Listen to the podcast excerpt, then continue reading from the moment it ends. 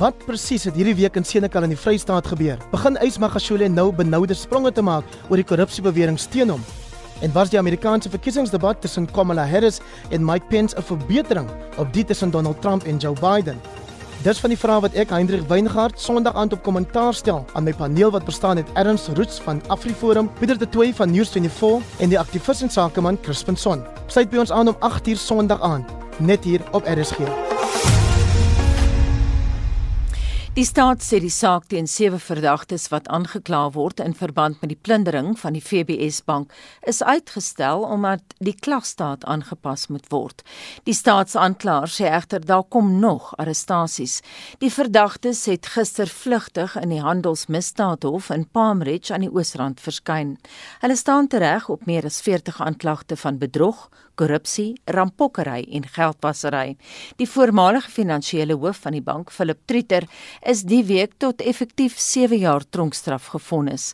Vir 'n ontledende blik op die en ander hofgebeure praat ons nou met 'n strafregkenner aan die Universiteit van Pretoria, professor Llewellyn Kaloos. Môre, Llewellyn. Hallo Anita, hoe gaan dit vanmôre? Dit gaan goed met my, dankie. Jy moet vir ons help ontleed hierso. Philip Trieter het byna onmiddellik skuldig gepleit terwyl van die ander onskuldig pleit. Wat dink jy oor Trieter se besluit? Ja, dis nie net noodwendig 'n baie slegte besluit nie. Ehm um, pleit in vonnis ooreenkomste in Engels plea bargaining waarvan die Amerikaners uh baie baie uh, bekend voor is. Inteendeel, meer as 95% van al hulle strafsaake daar word so afgehandel is natuurlik nie 'n nuwe ding in ons reg nie. Dit gebeur op 'n daaglikse basis en vir die laaste 20 jaar of so is dit deel van ons strafproses eh, reg. Dit beteken vir 'n klein bietjie minder ehm um, kry die staat 'n skuldigbevinding, dan word letterlik onderhandel vir 'n beter vonnis opsie uit die perspektief van die beskuldigde. Met ander woorde, hy kry 'n beter vonnis en ligter straf as wat hy andersins sou kry. En in ruil daarvoor kry die staat hulle uh, skuldigbevinding wat beteken uh jy weet hulle het, hulle hoef nie te gaan investeer in 'n klomp hoftyd uh, geld en dis meer om agter hierdie vervolging aan te gooi nie. So dit is niks snaaks nie. Ek dink dit is baie keer 'n baie goeie ding. Ehm um, mens moet jouself die vraag afvra. Weet tydsgewys, kostegewys is dit die moeite werd om so pleit en vonnis ooreenkoms aan te gaan. En as jy skuldig is, want dit is 'n vereiste natuurlik, jy moet op iets skuldig wees ten minste om dit te kan tender. Mm. Uh dan is dit dalk die, die beste uitkoms want oor 7 jaar is die ander se saak waarskynlik nog nie eens afgehandel is nie dan het hy alreeds lankal 50% van sy vonnis uitgesit en dan is hy lankal uit op parol en hy kan aangaan met sy lewe. Gepraat van aangaan met sy lewe, dink jy sy lewe kan in gevaar wees? O ja, absoluut. Ehm um, ek het geen twyfel daaroor nie. Ek meen hy is 'n 'n 'n nommer 1 getuie vir die staat op hierdie stadium. Die blote feit dat hy bereid is om staatsgetuie te draai na bewering, maar dit was deel van die onderhandelingsproses en een van die voorwaardes op grond waarvan die staat bereid was om hierdie uh 105 opbly en vonnis oor die koms met hom in te gaan. Ehm um, beteken natuurlik hy is vir die staat baie belangrik, soveel so dat hy al sy maatjies kan inkrimineer. En dit en, en hulle maak daarop staat natuurlik, want dit beteken hulle het waarskynlik 'n baie goeie saak dan teen mm. van hierdie ander beskuldigdes. Dis die rede hoekom hulle hom genader het in die eerste plek vir die vir hierdie uh doel. Ehm um, nou ja, aan die einde van die dag kan jy vir jouself dink uh in 'n land soos Suid-Afrika, jy weet, is dit nie ongekend dat staatsgetuies dan geteken word om geslaat raak van daai moontlike getuienis teen hulle nie. Ten einde dan later uh net te sê maar daar is nie getuienis teen die ander beskuldigdes nie en daarom moet hulle vry wegstap. So ek sal as dit die staat is seker maak dat hy in veilige ehm um, omstandighede uh gehou word. Dit kan beteken dat die polisie natuurlik uh, spesiale spanne en mense moet aanstel om hom op te pas. Ehm um, miskien uh hierdie protection plans of wat wat ons baie keer hoor, hierdie beskermingsmaatreëls wat in plek gestel word om getuies se lewens natuurlik te waarborg en te verseker. Mm, so gaan hy na 'n spesiale huis toe of wat gebeur? Ja, ons sal nie weet wat die identiteit daarvan is nie. Dit kan wees dat hy onder 'n ander identiteit ehm um, vir die afsienbare toekoms moet lewe hy en sy gesin. Ehm um, jy sien baie keer en ek wil dit net maar vir die, vir die luisteraars vergelyk met hierdie flieks wat hulle baie keer oor see sien. Mm. Ehm um, waar hierdie mense in witness protection programs uh, gaan. Dit is nie dis Engelse terme baie keer gebruik word en ook in ons land. Dit beteken net dood eenvoudig die staat het dan het dan 'n 'n belang daarbey om die veiligheid en identiteit van hierdie getuie te beskerm en om letterlik weg te steek totdat die verhoor enig afgehandel is en hy sy getuienis voor die hof geplaas het. Jy praat dan van sy maatjies, sy medebeskuldiges hou nou vol dat hulle onskuldig is, maar sy getuienis kan natuurlik daai hele storie draai, né? Anita, dis dis natuurlik die realiteit. Ehm um, jy moet onthou dat die oomblik as medebeskuldigdes mekaar begin impliseer. Met ander woorde, ons lewe saam in hierdie ding gewees, maar nou sê ek ek is bereid om skuldig te pleit en daar skuld aanvaar vir wat ek verkeerd gedoen het. Maar ek is meer as dit, ek is ook bereid om te sê wat Pietie en Jannie en Sunny langsby wat ook medebeskuldigdes is, is gedoen het. Dan is dit tog duidelik dat 'n hof baie maklik sou sê maar jy weet, ehm um, as jy dit gedoen het en jy weet presies wat jou maatjies gedoen het, jou medebeskuldiges gedoen het, dan is hulle ook waarskynlik skuldig aan dit. Ehm um, andersins hoekom sou jy skuldig gepleit het en hoekom sou jy hulle inkrimineer? Dit is natuurlik so, dit is die ander medebeskuldigdes se reg om onskuldig te pleit. Die staat moet nog steeds hulle saak bo redelike twyfel bewys. Um, en hierdie is maar net een getuie. As hierdie getuie se getuienis nie onder kruis verhoor deur die regspanne van die ander sogenaamde beskuldigdes wat dan onskuldig gepleit het, staan nie dan moet die hof natuurlik bereken wat se waarde moet aan hierdie getuies se getuienis hê word. En dit is mm. maar net een van die uh, faktore wat in ag geneem word tydens die verhoor. En gepraat van daai waarde, sy beweringe moet nou geverifieer word. Ja, dit is natuurlik so. Uh die strafproseswet sê uh natuurlik en ek moet dit ook net bysê uh in alle regverdigheid en billikheid teenoor die staat dat 'n skuldigbevinding natuurlik op 'n uh, uh enkel getuie se getuienis ook kan plaasvind. Mits daar natuurlik um, stawing vir daardie getuienis is en vir daardie getuie se getuienis. Met ander woorde, die hof soek vir iets meer as net sy woord om bevestiging te kry letterlik dan van die waarde en die geloofwaardigheid van daardie getuienis. Byvoorbeeld bankstate wat uh, bevestig dit wat hy byvoorbeeld sê. Ehm um, ander getuie uh, wat miskien kan sê ja, dit is so, hy praat die waarheid. Met ander woorde, ons praat van stawing in die bewysreg. En dink jy die saak gaan lank sloer? Ek ek is oortuig dit gaan. Uh, kom ons kyk net na die klagstaat. Heidiglik moet hy eers weer gewysig word, verstaan ek. Daar's al klaar meer as 40 klagtes. Daar is al klaar uh hoeveel aantal beskuldigdes en daar sprake van nog moontlike arrestasies. Dit beteken dit gaan dalk nog meer word en selfs verdubbel die aantal beskuldigdes. Elkeen van hierdie persone gaan sy eie regspan waarskynlik aanstel. Elkeen van daai regspanne het natuurlik preliminêre stappe wat hulle kan neem voordat die saak ryp is vir verhoor om 'n uh, klagstaat om om om om te pleit op die klagte. As ons net kyk byvoorbeeld na sake soos staat teen Dawie Groenewald waar hier nog versake is wat al in is in Messina begin het en tans in die Hooggeregs op Pretoria in Februarie 2021 plaasvind. Daardie saak ehm um, kom al die beste deel van 12 of 13 jaar. As ons kyk na die boere mag uh, verhoor. Mm. Ehm mm. um, net soveel en miskien selfs minder beskuldigdes, minder klagtes aan die einde van die dag en dit het 15 jaar gevat. So ek sal nie verbaas wees dat as almal onskuldig bly en volhardlik hulle onskuld dat ons in is vir 'n baie baie lank verhoor in die saak. En jou reaksie op die valke en, en die eh, NVG se optrede om so baie mense in hegtenis te neem in verband met korrupsie. Ja, ek ek persoonlik is 'n voorstander van uh om om om, om minder beskikbaar vir hof te op 'n keer uh en meer eerder meer hofsaake dan individueel te hê sodat daardie sake letterlik dan vinniger afgehandel kan word. Want jou probleem is, ehm um, as jy te veel beskuldigdes op een slag voor die voor die hof het, ehm um, dan het jy hierdie tydsprobleem waarna ek sopas verwys het. Hmm. Ehm mm. um, natuurlik is dit ook so dat die ideaal is dat ons met geld spaar en mannekrag spaar en derhalwe en uh, selfde feite stel in een saak probeer oplos eenmalig. Dit is so, maar uh, mens moet baie keer kyk na die praktiese implikasies. As ek die vervolgingsgesag is, dan moet ek vir regtig wil sê ek sou baie meer gedoen het om te poog om meer van hierdie pleit en fondse ooreenkomste so gou as moontlik um, op die tafel te sit vir van die ander beskuldigdes want elke een wat hierdie ding onderteken en deur die hof dan geïnduseer word uh beteken dit een saak minder en die skuldig bevinding minder en dit is 'n uh, plimpie in die vervolgingsgesag uh jy weet hoe Daar is mense wat sal vra, al kry mense nou tronkstraf, kry die staat daai geld ooit terug, daai geld wat gesteel is? Anita, uh ja en nee uh ja in die in sin van die beskuldigde moet natuurlik om verduidelik wat hy met die geld gemaak het. En as hy in staat is op een of ander wyse om daardie geld terug te betaal of gedeeltelik terug te betaal, dan is dit natuurlik ernstig strafversagtend. Wat beteken die hof sal dit in ag neem om vir hom 'n ligte straf te gee as die persoon wat dit nie kan doen nie. Uh daarmee saam maak ons strafproseswet natuurlik voorsiening vir al die hogeres of in hierdie geval dat in artikel 300 daarvan dat wanneer 'n kompensasie bevel ook uitgereik word of gevra word deur die uh, staatsaanklaer uh, uh dan dan kan dit ook natuurlik 'n uh, uh, uh, rol speel en hierdie hof uh, afgedwing word. Die probleem egter is as daar niks meer oor is nie of as daardie geld verkwis is. Uh jy kan nie klip 'n uh, bloed uit 'n klip tap nie, derhalwe as daar niks is nie, gaan jy niks kry nie. En tensy die hof dan 'n beslaglegging gedoen het van een of ander aard wat op hierdie stadium in sekere van die gevalle natuurlik plaasgevind het. Die batebeslagleggingseenheid het sekere bates gevries. Dan is daar die bates streng gesproke dan beskikbaar om dan deur die staat aangewend te word uh om daardie verspilde uh uitgawes en uh diefstal van daardie fondse natuurlik te probeer uh terugkry of gedeeltelik terug te kry. Maar dit is 'n baie moeilike proses, dit is 'n baie lang proses. In baie gevalle is hierdie geld lankal veral na omdat die vervolging eers soveel jare na die tyd plaasvind. Mm. Lankal verkwansel of iewers in die buiteland weggesteek of wat ook al en my my my voorgevoel is ons gaan nie veel daarvan sien nie.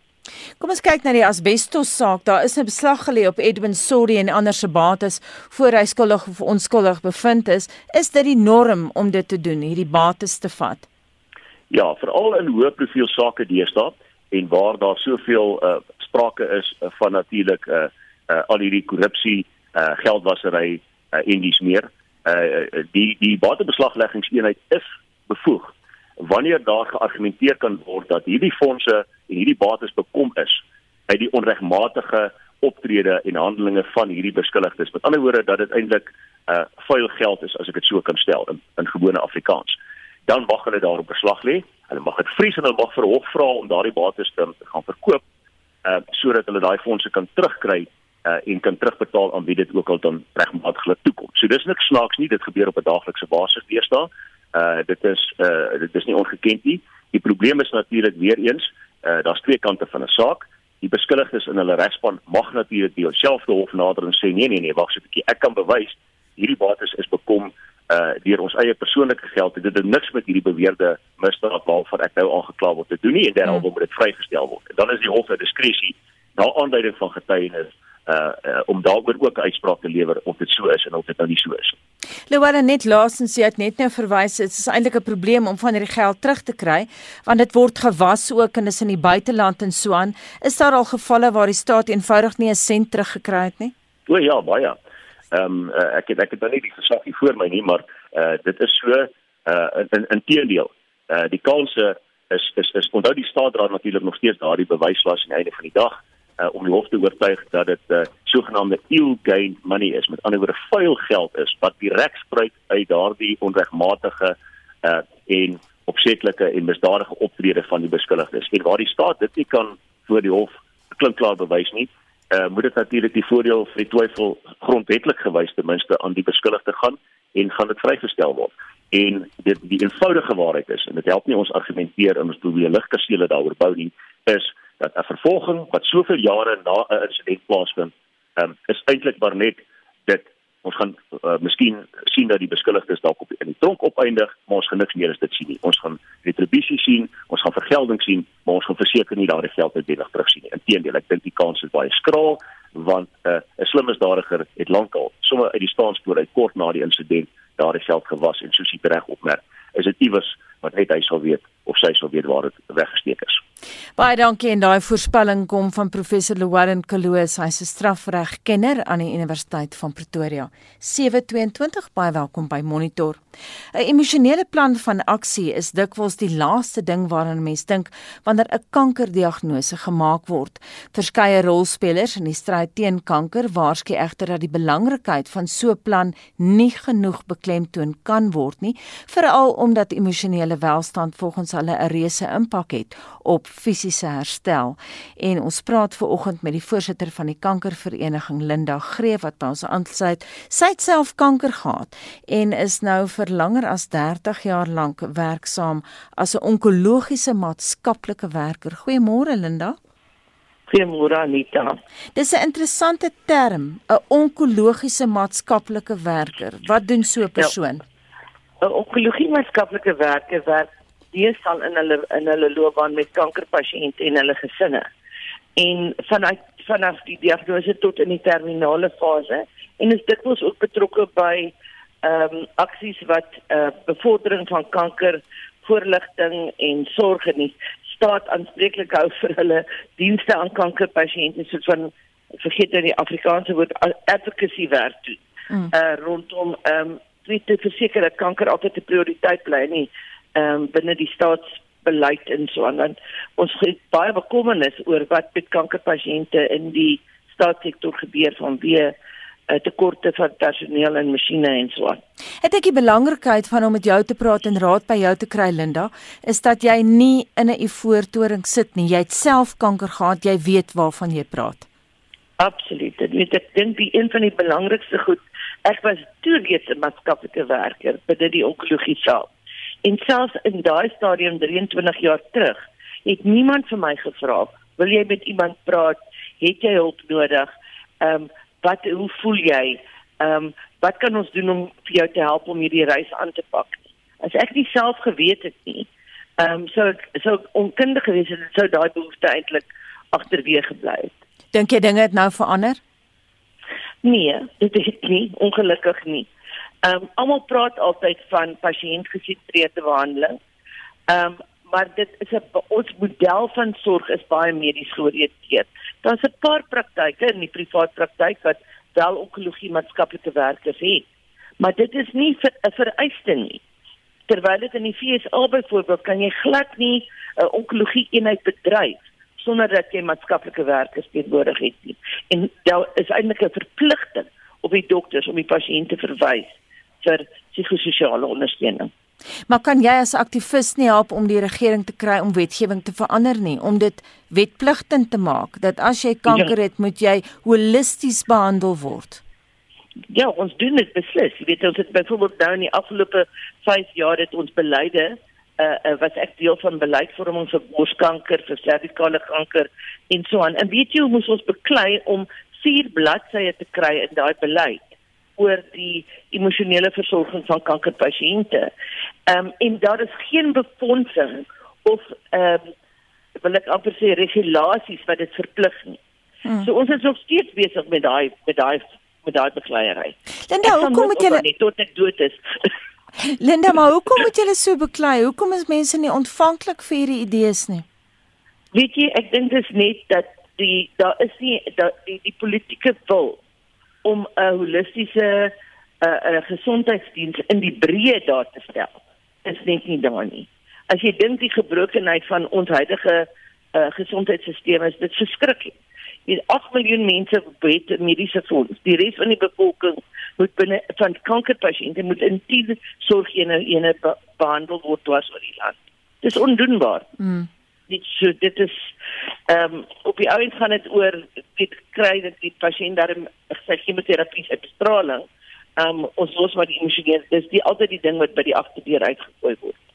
Ek was net toevallig gister op 'n begrafnis van iemand van my tuisdorp Belfast en mens sien hoe hm. baie swaar kry die eggenoot en die familie na so 'n persoon se dood. Dink jy nie hulle word vergeet in terme van ondersteuning nie? Absoluut. En hulle word vergeet vanaf diagnose uh tot in die palliatiewe fase. Jy weet, so dit is vir my baie belangrik wanneer iemand gediagnoseer word met kanker dat die gesin en die pasiënt apart geleentheid kry om met iemand te praat oor hoe pak ek hierdie reis aan. Onthou kanker het 'n verskriklike stigma. Die eerste gedagte wat in jou kop opkom is vrees, angs, ek gaan doodgaan. En vandag is kanker nie meer daardie soort siekte nie. Daar is soveel vordering gemaak in die behandeling van kanker. Hier oorleef ek 23 jaar. Baie mense met selfs gevorderde borskanker kan vir jare lewe met hulle betyds behandel word en met hulle gehelp word om daai reis werklik met 'n holistiese siening aan te pak. Waar hulle weet dat depressie en angs en vrees en en um, moedeloosheid dikwels deel is van daardie reis en hulle geleer word om 'n aksieplan op te stel wat hulle help um, om 'n lewe te leef ten spyte van die kanker. As daar nou luisteraars is vanoggend wat miskien gister of hierdie week met kanker gediagnoseer het, gediagnoseer is, watter praktiese raad het jy vir hulle Linda? In die eerste plek dink ek moet is is my raad bemagtig jou oor jou siekte, jou diagnose en wat dit beteken gaan praat met iemand oor die impak van die siekte op jou want jy is bang en angstig en onseker oor wat voor lê.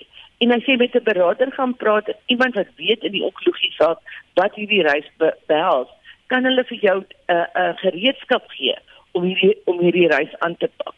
En dan wees jou eie advokaat.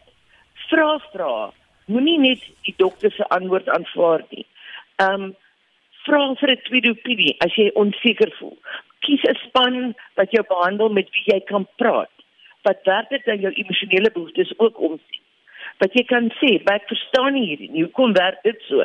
Hoekom het ek nie hierdie inligting uh gekry nie?" En wees 'n uh, ehm um, selfgeldend oor dit wat jy nodig het. Want as jy konstant met hierdie angs en vrees lewe, is daar so baie adrenalien in jou in jou stelsel hmm. wat dit wat jou immuniteit onderdruk en dan kan die behandeling eintlik nie sy werk behoorlik doen nie. En dan bly vir ons op die foonlyn. Ons gaan na ons hooftrekke toe, maar ek kom terug na jou toe. Dan praat ons verder oor kanker en hoe mense dit emosioneel moet hanteer. Dit bring ons by 7:30.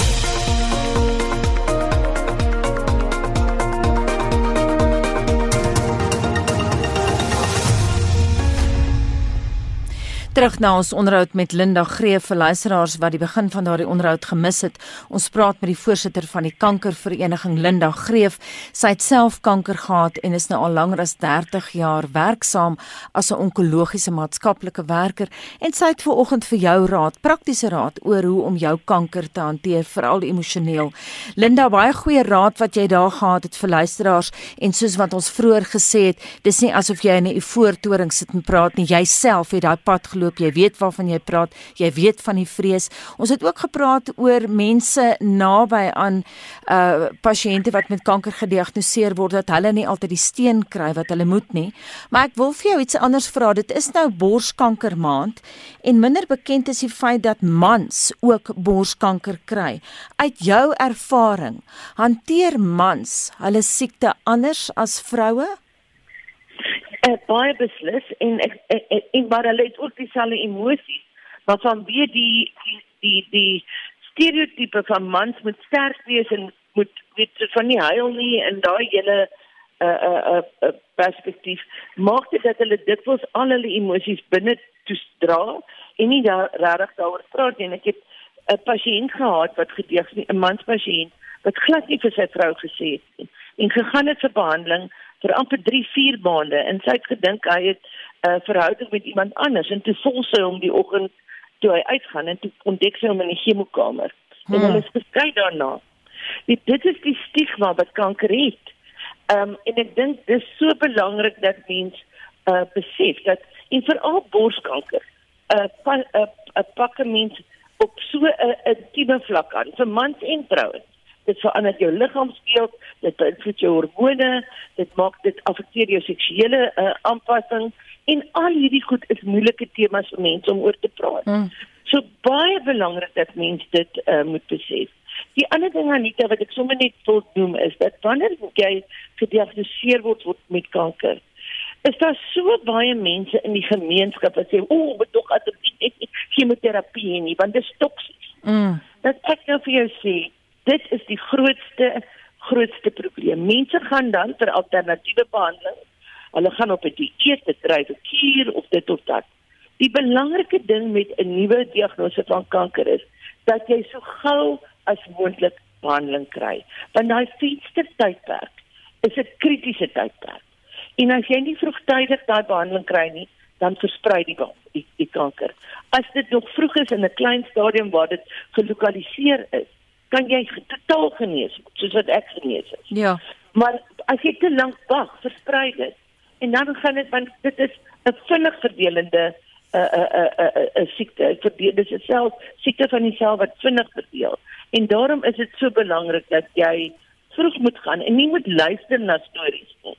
Hmm. So baie keer het mense gegaan vir weet vir uh, allerlei uh, uh, uh, uh, uh, vitamine C inspuitings en dit en dat. Hmm. Ek sê nie dat dit maar doen dit saam met jou behandeling. Mm. Moenie jou konvensionele behandeling. Dit is wetenskaplike proef. Ja, dit is moeilike behandeling. Maar dit genees mense. En in die afgelope 15, 20 jaar het die ontwikkeling rondom borskanker so verander. Jy kan genetiese toetsing doen, jy kry 'n uh, 'n uh, 'n uh, behandeling wat presies geteken word vir spesifieke tipe borskankers. En daar's ongelooflik baie wat gedoen kan word. Selfs pasiënte met stadium 4 borskanker kan vir jare lewe. Maar dis nie 'n maklike reis nie want jy bly die hele tyd op behandeling. En en daarom is dit so belangrik dat jy moet emosionele steun kry. ja, dat jy moet ondersteuningsgroepe bywoon. Hmm. Ehm um, ja, so sommer net 'n paar idees rondom dit. En daar's so baie val stories in omloop. Ek uh, loop nou hierdie week in 'n supermark in hier in Melville wat om die draai is van die SAIK in Auckland Park. Mm. En daar is anti-cancer pills te koop met 'n ja. baie bekende vrou se naam wat ander goedersprodukte en so aan ook verkoop. Toe wonder ek, moet daar nie strenger wetgewing wees om ja, sommer ja, nou 'n pil aan te bied wat 'n anti-cancer pil is nie? Kan julle nie ingryp daar nie? Ek gaan nou nie die vrou se naam op die lig noem nie, maar sy baie bekende handelsmerk. Sy verkoop onder andere ook koekies en mayonnaise en so aan. Wat kan mense in ja, so 'n geval doen? Hoe kan jy sê jou pille is anti-kanker? Ja, dit, dit, dit ons het daar is 'n wetgewing op die oomblik aan die gang om dit te probeer bekom, want daar goed word glad nie gereguleer nie. Ehm um, en ons het juist gevra dat selfs alle alle 'n uh, 'n komplementêre behandeling moet gereguleer word, want daar's geen wetenskaplike bewyse nie mm. en mense sal eerder dit dink as wat hulle gaan na 'n kankerdokter toe. En dit dit is baie kommerwekkend baie baie kommerwekkend. Jy het nou gepraat van die stigma van van borskanker. Ons kyk oh. na hormonale kankers, dan kyk ons ook na prostaatkanker. En ek het ja. net noudig gepraat met my plaaslike dokter, net 'n GP. Toe sê sy dit lyk vir of dit meer voorkom hormonale kankers. Baie meer en ek dink dit het ook baie te doen met ons dieet. Want baie voedsel word met uh, diere word uh, word hormone kry hormone in uh, om vinniger te groei en so aan. So dit is baie belangrik dat dat ons moet baie die eet is 'n belang, belangrike deel van jou aksieplan. As jy kanker kry, moet jy kyk na jou dieet en veral borskanker moet mens kyk vir veral na lewenstyl goed. Ehm um, waar oorgewig, ehm um, nie alkohol drink nie, ehm um, dit daai soort van goed is pertinent is na met navorsing bewys het 'n impak op jou herstelproses. Ons het net nou gepraat met belangrik. Linda, ons het net gepraat oor en met luisteraars wat dalk hierdie week met kanker gediagnoseer is en wat hulp nodig het. Wat maak jy nou as jou mediese fonds nie voorsiening maak hiervoor nie of jy is 'n pasiënt by 'n staatshospitaal waar jy in lang rye moet staan? Jy weet nie eers of jy die regte behandeling gaan kry nie, laat staan nog emosionele berading. Nou wie toe sou ja. mens kon gaan? 'n Kerk? Wie sou mens kon beraad? Wie sou mens kon help? Wel, ek ek is die voorsitter van die um, Cancer Alliance, dis 'n 'n advocacy organisasie. Maar die kankervereniging het wel nou in die laaste 3 weke 'n 'n aanlyn beradings 'n 'n tolvrye lyn gestig. En dit gee vir 'n persoon toegang. Dis die eerste keer wat dit uh, beskikbaar is op op hierdie wyse. Want dis mense wat in die platteland bly. Mm. Dit wat nie in 'n stad bly nie wat nie toegang het nie. En hierdie lyn op hierdie lyn kan pasiënte en familie wil uh, berading kry en hulle kan ook um, dit vir 6 6 met ander woorde dit is nie net sommer oppervlakkige hulp nie dis regtig in diepte berading. En selfs daarna as daar nog ander probleme is is ek seker sal daai beraders bereid wees om um, dit verder te verwys of wat ook al. En ek wil graag daai lyn gee. Jy kan op die tolvrye nommer van die kankervereniging 0800 22 6622 en dan sê jy jy wil graag 'n afspraak maak vir berading. Hulle neem jou telefoonnommer en die beraader maak 'n afspraak met jou op 'n tyd wat vir jou pas wanneer jy privaat kan wees waar jy kan praat vir die familie en vir die pasiënt. Linda gee vir ons gee vir ons daai nommer net weer. Dis 0800 22 6622 en dan vra jy um, dat jy 'n afspraak wil hê met 'n beraader. En dan moet jy hulle op die kankervereniging se webwerf is daar ook ongelooflike hulpbronne. Daar's byvoorbeeld 'n 'n 'n 'n 'n coping toolkit wat jy dan kan luister. Uh die inligting op die kankervereniging se blad is regtig van van groot waarde in die algemeen. Maar dan is daar ook ander borskankerorganisasies wat ook deel is van ons kanker cancer alliance wat wat die die die advocaat werk doen ehm um, is soos die soos die regte herstelgroepe, die Breast Health Foundation en al daai spesialiteitsgroepe het ook ondersteuningsgroepe ehm um, aanlyn en in persoon. Nou tydens Covid het hulle nou dit meestal maar aanlyn gedoen. Maar pasiënte moet asseblief vra ehm um, vir hulp en hulle moenie dit alleen probeer doen nie.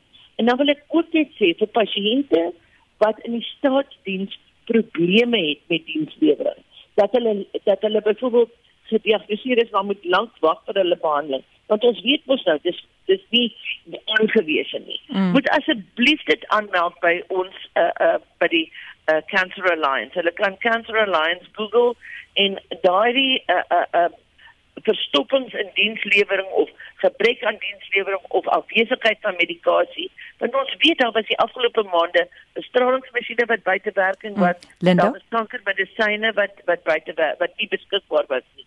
En as ons nie weet daarvan nie, kan ons nie by die staat intree en sorg dat daai goed uitgesorteer word nie. Baie dankie dit dan Linda Greef, 'n onkologiese maatskaplike werker en voorsitter van die Cancer Alliance. Vir luisteraars wat daai nommer dalk gemis het as jy met kanker gediagnoseer is en jy soek emosionele raad en hulp, bel die volgende nommer 0800 22 6622. Ons sal dit weer voor die einde van die program vir julle gee. Dis amper weer tyd vir Suid-Afrikaners om hulle tuine saam te vier. Sondag 11 Oktober is tuindag. Skink 'n koppie tee, klink 'n glasie wyn, dra jou blomkrans en verwelkom 'n nuwe seisoen met 'n lenteviering in jou tuin. Gaan na www.tuindag.co.za vir idees en inspirasie. Tuindag, Sondag 11 Oktober. Met so baie plekke waar jy goud kan verkoop, is dit moeilik om te weet wie jy kan vertrou en wie vir jou die beste prys gaan gee. Vertrou die naam wat jy ken, Gold Capital. Gold Capital sal vir jou kontant gee vir Rolex's, goue juwele, diamante, kreerande, luukse horlosies of ander goue muntstukke. Gold Capital, Suid-Afrika se betroubare goudmakelaars sedert 1992. Vir meer besoek goldcapital.co.za. Kan ek? Kan ek gerieflik bank en weet dat my geld veilig is? Ek kan met die Absa bankdienste app. Ek kan my debietorders stop en omswaai, my verlore bankkaart tydelik sluit en ontsluit en my ATM-pin maklik herwin. Ek kan dit alles doen sonder om 'n tak te besoek en ek weet dat ek met 'n gratis digitale bedrogwaarborg teen aanlyn bedrog beskerm is. 'n Eerste in Zanzi. Bank veilig. Laai die Absa bankdienste app af. Ons doen meer sodat jy kan. Dis African Nasty. Absa is 'n gemagtigde FTV en geregistreerde kredietverskaffer. BNV geld.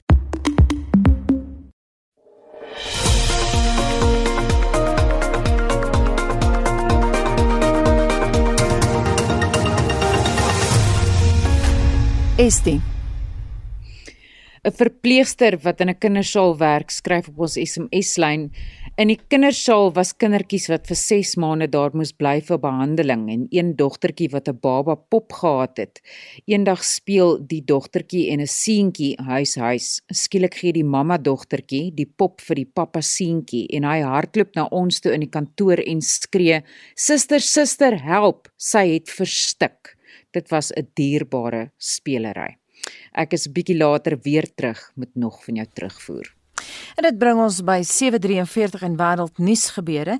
En in vanoggend se wêreldnuus fokus ons veral op Oos-Europa waar Azerbaijan volgens ontleeders op die drempel van 'n oorlog staan en 'n lasbrief vir die oppositieleier van Belarus uitgereik is. En ons begin met Anne Marie Jansen van Vier en vir ons al hierdie gebeure dopgehou. Goeiemôre. Môre Anita. Anne Marie in Azerbaijan veg die etnise Azerbaijanese en die etnise Armeniërs nou steeds met swaar wapentuig te mekaar en dis in daai baie bergagtige Nagorno-Karabakh streek. Ja, dit nadat lande soos die FSA, Frankryk en Rusland al toegetree het tot samesprekings om vrede te probeer bewerkstellig. Nou volgens kenners is die streek 'n sluimerende kruitvat sedert die oorlog tussen die Azerbaijaniërs en die Armeniërs in die vroeë 90's. Die streek behoort aan Azerbaijan, maar word bewoon deur etniese Armeniërs wat al jare lank vir afstigting vra. Intussen skuil die inwoners in ondergrondse bankers wat hul nog van die vorige oorlog oorgehou het. Ibanez Jafarova is een van hulle. 28 yıldır torpaqların yolunu gözlüyoruz. We've been waiting for this for 28 years. That's why we don't want to take one step away. We're very excited about what's happening. My son and daughter are fighting on the front line. In die konflik teen Turkye-Azerbaidjan terwyl Rusland vir die Armeniërs in die bresse getree het. Litoue het Reuters die oppositieleier Svetlana Tsikhanouskaya vertel van 'n lasbrief wat die regering van Belarus nou vir haar arrestasie uitgereik het. Ja, volgens die 38-jarige wat na die omstrede verkiesing in Belarus na Litouwe gevlug het, het sy eintlik self by joernaliste gehoor van hierdie lasbrief wat deur die regering van Alexander Lukashenko uitgereik is. You know, I, I hardly say that I had any kind of reaction because it uh, didn't change anything for me. That didn't didn't change my strive for changes in Belarus. So I knew that I can't go home because uh, I will be jailed uh, just uh, at the border. So uh, and uh, I didn't know didn't know about this investigation. And but again, it didn't change anything. It's the problem. We are striving for victory, and only after victory I can go home. Die oppositieleier van Belarus, Svetlana Tsikhanouskaya. En dan gaan ons na Suid-Korea in die stad Ulsan wat sukkel, daar sukkel die brandweer aan 'n by steeds om 'n brand van 'n 33 vloer verdieping gebou te blus. Ja, honderde mense is al na veiligheid geneem en sowat 80 mense in die hospitaal behandel vir rookinasemming. Die brand het gistermiddag reeds uitgebreek en owerhede is steeds nie seker wat dit veroorsaak het nie. En dit was Anne Marie Jansen van Vuren met 'n oorsig van wêreldnuus gebeure en van uh, internasionale nuus gaan ons na sport gebeure en ons praat met Pieter van der Berg. Goeiemôre. Goeiemôre Anita. Ons uh, begin 'n bietjie met rugby. Wat wag hierdie naweek op ons luisteraars? Ja, daar is vanaand regstreekse rugby. Dit is wanneer die Sharks en die Lions in Durban te mekaar speel. Uh, Jody Hendrik sal saam met my in die kommentaar hokkie wees vir daardie eerste wedstryd in die plaaslike Super Rugby reeks. Dan môre nog twee wedstryde. Ons saai ook die uh, eerste ene wat om 05:30 begin regstreeks uit RSG en dit is die Cheetahs en die Pumas wat sal kragte met in Bloemfontein en dan later in die aand uh, is, is dit Johan Raarman wat, wat verslag sal doen en dit is oor die wedstryd daar op Loftus en dit is tussen die Bulls en die Griquas. Dan vanaand speel die Dragons teen Zebre en dan ook op die internasionale front is dit die All Blacks in Australië wat mekaar Sondag pak en dis in hulle eerste Bledisloe kragmeting. En op die plaaslike golffront neem spelers 'n blaaskans, maar in die buiteland Pieter stoom die golftrein voort. Ja, jy is 100% reg aan Anita in Europa. Is dit 120 eh, spelers wat slaag is in die BMW PGA Kampioenskap. Dis daar op Wentworth in Engeland. Nou na die eerste ronde baie goeie nuus vir Suid-Afrika. Justin Harding, hy het die medevoorloper op 600 syfer met uh, Andri Arnaud van Spanje ook daar op 600 en Terrell Hatton van Engeland ook saam met hulle. Dan sien ons dat uh, Garrick Hugo, die jong man van Suid-Afrika, hy is op um, ehm, 300 syfer. Dit is die gesamentlike 16de plek. En dan op die Amerikaanse PGA Tour is dit die Shriners Open in Las Vegas wat gister begin het. Na die eerste ronde, wie anderste as Bryson DeChambeau. Hy is daar op 900 syfer en dis een nou beter as 'n uh, hele rit spelers, vyf van hulle wat op 800 is wat Scott Harrington insluit. Louis Oosthuizen, hy is op 600 en Charles Swartsel op 500. En dan sien ons dat Ashley Buhai is in die 13de plek in die vroue LPGA uh, Tour en dit is die PGA Kampioenskap in Pennsylvania. Die voorloper daar is Brittany Linekum wat op 300 syfer is. En wat gebeur by die Indiese Premier Cricket Liga? Ja, gister se een wedstryd is dit die Sunrisers Hyderabad wat die Kings Eleven Punjab maklik met 69 lopies afgestof het. Vandag speel die Delhi Capitals um, om 4 uur teen die Rajasthan Royals daar in Sharjah en dan sien ek dat op die punteleer is dit die Mumbai Indians wat tans voor is. Hulle het 8 punte agter hulle naam. By die Franse Ope tennis toernooi is die spreekwoordelike kaf nou geskuif van die koring en net enkele spelers kan nog met vanjaar se kroon wegstap. Ja, jy's reg in die mans enkelspel is daar net vier spelers oor wat in die halve eindronde sake sal uitspook. Die eerste gekeerde Novak Djokovic van Servië.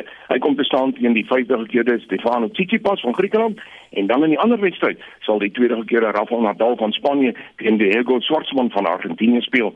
In die vroue enkelspel net twee spelers wat oor is. Die gekeerdes het maar swaar geleef daar nou môre in die eindstryd sal die ongekeerde Ignace Swiatek van Pole wat net 19 jaar oud is teen die vierde gekeerde Amerikaner Sofia Kenin te staan kom. Pieter Laasens, kom ons verskuif die fokus na Formule 1 aksie. Wat gebeur hierdie naweek? Ja, dit is die Formule 1 van uh, Eiffel wat gejaag word daar in Duitsland. Dis uh, in 2013 laas dat 'n wedren in Formule 1 daar op die Nürburgring plaasgevind het. Lewis Hamilton het die voorlopige punte leer met uh, Valtteri Bottas en die ander Mercedes tweede en Max Verstappen is derde. En dan in MotoGP is die, die Franse MotoGP wat Sondag op Le Mans afhandel sal word. Baie dankie dit dan Pieter van der Berg. Dis nou 7:49. As jy gereeld op sosiale media is, het jy 10 teen 1 die woord Sharktober iewers raakgeloop. Die Two Oceans Aquarium in Kaapstad neem saam met die Save Our Seas stigting deel aan die internasionale veldtog om bewustheid oor haie en hulle belangrike rol in ons oseane te speel. Madanay Forshey het gaan kers opsteek by die aquarium se kommunikasiebeampte Renay Leufner.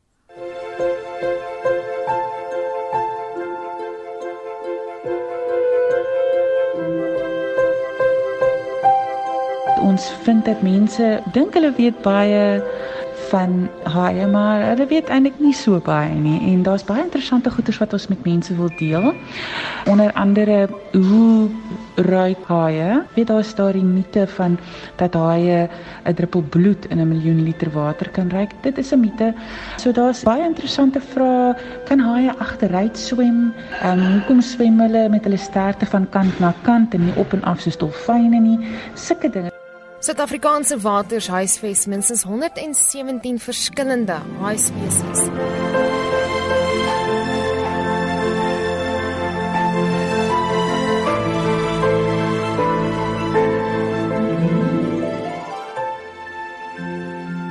Liener se gunsteling is die sambokhaai hierdie haai het 'n baie interessante stert, 'n baie baie lang dun stert wat dit gebruik om sy prooi te verdoof amper. Jy weet hy slaan daai stert soos 'n sambok en dit laat sy prooi vir 'n oomblik net so so stand wees, jy weet, en dan kan hy jou haai dit maklik vang. Die aquarium huisves self 'n verskeidenheid haie, soos byvoorbeeld die skeertandhaai. Nou die haai verloor daagliks sowat 3 tande wat vervang word deur nuwe tande wat reeds in die kakebeen begin groei en eenvoudig vorentoe skuif. Die haie pas volgens Lunar boonop goed aan in aquariums. Ons het ook ander haai spesies soos pyjama sharks, ons het pofadder haaitjies, um, ons het klein skeertandhaatjies en dan natuurlik wat baie interessant is en wat mense baie van hou is ons het 'n uitstalling waar ons haai eiers het want baie haie ehm um, lê eiers, sulke leerbeursies en binne in daardie leerbeursies is daar dan klein haatjies wat ontwikkel en ons het 'n uitstalling wat hierdie ontwikkelende eiers wys. So mense kan eintlik sien hoe die klein haatjies rondbeweeg in hulle wat ons maar haai beursies sal noem vir vandag. Die aquarium se haie word egter nie lewenslank hier gehou nie. Ons hou nie ons groot skeertandhaie vir altyd nie. Hulle word gereeld vrygelaat, so 3-4 jaar bly hulle by ons en dan word hulle vrygelaat. Haie in die algemeen het 'n baie lang uh, periode wat hulle dragtig is. So wat ons wil doen is ons wil volwasse wyfies veral terugsit in die see sodat hulle nog haatjies kan hê. Die veldtog saam met die Sywasi Stichting word volgens Lunar goed ontvang. Dit maak hulle opgewonde, veral omdat hulle poog om die stigma om die diere af te breek en om hulle belangrikheid in onderwater ekosisteme uit te lig. Die mens is immers haie se grootste vyand. Op hierdie stadium is vissery een van jou grootste bedreigings want haie word gebruik in baie tradisionele en nie tradisionele um, maniere en dit is enigiets van kos tot vitamienaanvullings wat ons op 'n daaglikse basis gebruik en ons besef dit nie eens nie. En baie van hierdie haaivisserye is wettig. Dit is grootendeels wettige haaivisserye wat die bedreiging is vir haie. Dit was die Two Oceans Aquarium in Kaapstad se kommunikasiehoof Renay Leuner. Ek's Marlene Forsie vir SAK nuus. Ware verhale wat vervilm word, bly nie noodwendig by die feite nie. Leon van der Walt het na Military Wives gaan kyk gegrond op die waarheid en oortuig dit Leon. Wel in Military Wives, liewe Anita se geval, gaan dit eintlik oor hoe 'n vrou smart, onsekerheid en frustrasie op 'n positiewe manier verwerk. Dit onderstreep ook die feit dat daar min dinge is wat 'n dapper vrou kan onderkry wanneer sy eers besluit het om skouer aan die wiel te sit. Hier begin die dames te sing. Hulle woon in 'n militêre basis. En terwyl die vroue se mans, meestal offisiere en soldate, in Afghanistan diens doen, moet hulle hulle self besig hou. Die vrou van die bevelvoerder met kragtige entoesiasme deur Kristen Scott Thomas gespeel, stig gekoor, maar die vroue bied teenkanting en sien geen nut in die liedjies nie. Buitendien kan feitelik niemand regtig sing nie, maar wanneer vroue entoesiasties saam staan, gebeur wonderwerke. Hulle leer sing, ondersteun mekaar en gou is hulle koor kragdadig en hulle sing elke slag net beter. Dan kom die slegte nuus. Sommige se mans sterf of word gewond en hul enigste uitkoms of troos is sang. Hierdie inisiatief het aanleiding gegee tot die stig van tientalle soortgelyke kore in die werklike lewe. Military Wives sal jou bemoedig en besiel, maar jy moet dit in 'n fliekteater sien waar jy die melodieuse klank van die sang eerstehands kan ervaar. Military Wives 8/10 nou in fliekteater. Leon, dis inderdaad die week van kragdadige vroue. Little Fires Everywhere gaan juis oor die botsing tussen twee sterk ma's. Wat maak daai TV-reeks vir jou so besonder? Well, Little Fires Everywhere spog met Kerry Washington en Reese Witherspoon as twee ma's aan verskillende kante van die dorp. Wanneer die swart ma een van die welvarende Witherspoon karakters se huise huur, bots nie alleen die vroue nie, maar ook al gesinne. Woordkoels vlieg soos komete en verwond waar dit tref. Maar dit laat albei ma's besef waar hulle foute met hulle spruite gemaak het. Die Showmax reeks begin met 'n huis wat afbrand. Wie het dit gedoen? Hoekom? Elke toneel stuur die storie in 'n oorspronklike rigting. Little Fires Everywhere kry ook 8 uit 10. Dis nou op Showmax en dis nie net op vroue gerig nie, want die manne kry dit ook hot agter. Little Fires Everywhere. Leon en dan laasens begin 'n fliek wat gebaseer is op 'n bekende roman, The Secret Garden. Dit klink vir my na 'n kunsrolprent. Ja, Anita, jy gaan daarvan nou. Daar's reeds omtrent 5 rolprente weergawe van Francis Hodgson Burnett se geliefde roman The Secret Garden gemaak. Die 2020 weergawe is 'n meer bedeesde en besadigde rolprent. Dus is dit, soos jy gesê het, vir kunstliefhebbers. Ek het die tempo soms tog 'n bietjie te traag gevind, maar die spesiale effekte, die verandering van kleur en die wyse waarop klein Mary 'n towertuin ontdek wat haar eensaamheid verlig en haar inspireer om haar lewe blink en opwindend te maak, is veral vir ma's en dogters. Dis pragtig vervilm. The Secret Garden 7 uit 10 dit wys net in fliekteaters. Gaan na rsg.co.za se webwerf as jy die resensies wil lees. Papegaaie geskei nadat hulle sê besoekers moet F of het 'n voorblad opskrif Leon moenie so lag en dan laat jy my lag. Het 'n voorblad opskrif onlangs in die burger gelei. Intussen het 'n rolprent oor 'n seekat almal gaande. Die hoofredakteur en uitvoerende direkteur van die Woordeboek van die Afrikaanse taal Dr Willem Botha bekyk die geskiedenis van die woorde papegaai en seekat. Vyf African grey papegaaie in 'n natuurlewe park in die Verenigde Koninkryk moes van mekaar geskei word nadat hulle mekaar begin aanbreek het om op die besoekers te vloek. Papegaaie het ook op mekaar begin vloek en hulle is toe na verskillende dele van die park verskuif om te keer dat kinders sou gevloek hoor. Niemand het egter oor die papegaaie gekla nie. Trouwens, heelwat mense het geglimlag in 'n baie moeilike jaar. 'n Papegaai is 'n tipe tropiese voël met 'n krom snavel en 'n grypvoet waarvan twee tone vorentoe en twee tone agtertoe gerig is en wat dikwels helder kleurige vere het en waarvan sommige soorte die vermoë het om menslike taal en ander geluide na te boots. Papegaai gaan terug na Nederlands en van Nederlands terug na Oud-Frans papegaai en dan uit Spaans papagayo en uiteindelik terug na Arabies babga. En dit kom uit een van die tale van Wes-Afrika. Die Engelse parrot kom uit die Frans perrot wat 'n verkleiningsvorm van die naam peer is. In Oud-Engels is die voël popinjay genoem en popinjay word ook maar teruggevoer na die Arabies babga. Die woordeinde is na jay verander omdat die papegaai herinner aan die jay. Die jay is 'n kraai met helder kleurige vere. Die dokumentêre rolprent My Octopus Teacher waarin 'n man met 'n seekat bevriend raak, is tans 'n groot treffer. Maar hoekom die dier 'n seekat genoem word, kan maar net bespiegel word.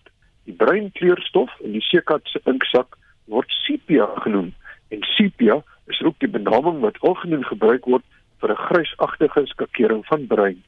Die Grieks vir 'n seekat is dan ook sepia. Diere red mense se lewens maar mense red ook diere se lewens soos die man wat 'n klein Yorkshire Terrier uit 'n brandende huis gered en met mond mondasemhaling tot die lewe teruggebring het of was dit 'n mond tot bek asemhaling Nou, dit was die hoofredakteur van die Woordeboek van die Afrikaanse taal. Annelie, ons het nie baie tyd nie. Hoe lyk Spectrum se dagboek? Ons praat met 'n ontleder oor die wenner van die Nobelprys van Vrede wat na verwagting om 11:00 vanoggend aangekondig gaan word en 'n man verskyn in die Bronkhorstspruit Landdroshof in verband met die marteling van 'n egpaar op hul plaas 'n week gelede.